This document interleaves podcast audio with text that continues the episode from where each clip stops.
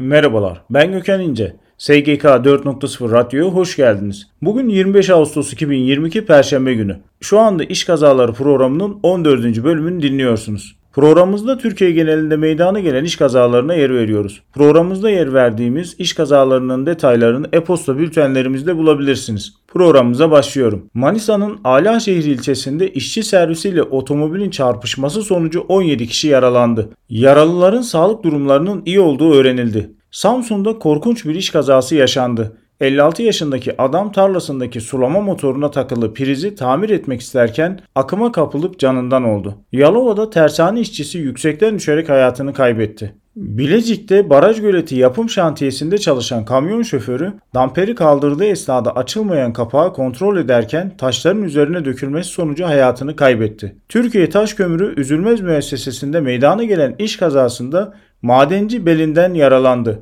Yalova'da tersane işçisi yüksekten düşerek yaşamını yitirdi. Şanlıurfa'nın Suruç ilçesinde inşaatta geçirdiği iş kazası sonucu bir kişi ağır yaralandı. Sivas'ta bir inşaatın 5. katındaki iskeleden düşen işçi yaşamını yitirdi. Ben Gökhan İnce. SGK 4.0 Radyo'da iş kazaları programının 14. bölümünü dinlediniz. Programımızda Türkiye genelinde meydana gelen iş kazalarına yer verdik. Programımızda yer verdiğimiz iş kazalarının detaylarını e-posta bültenlerimizde bulabilirsiniz. E-posta bültenlerimizi görüntüleyebilmek ve üye olabilmek için internet sitemizi veya LinkedIn hesabımızı ziyaret edebilirsiniz. Bir sonraki yayında görüşmek üzere.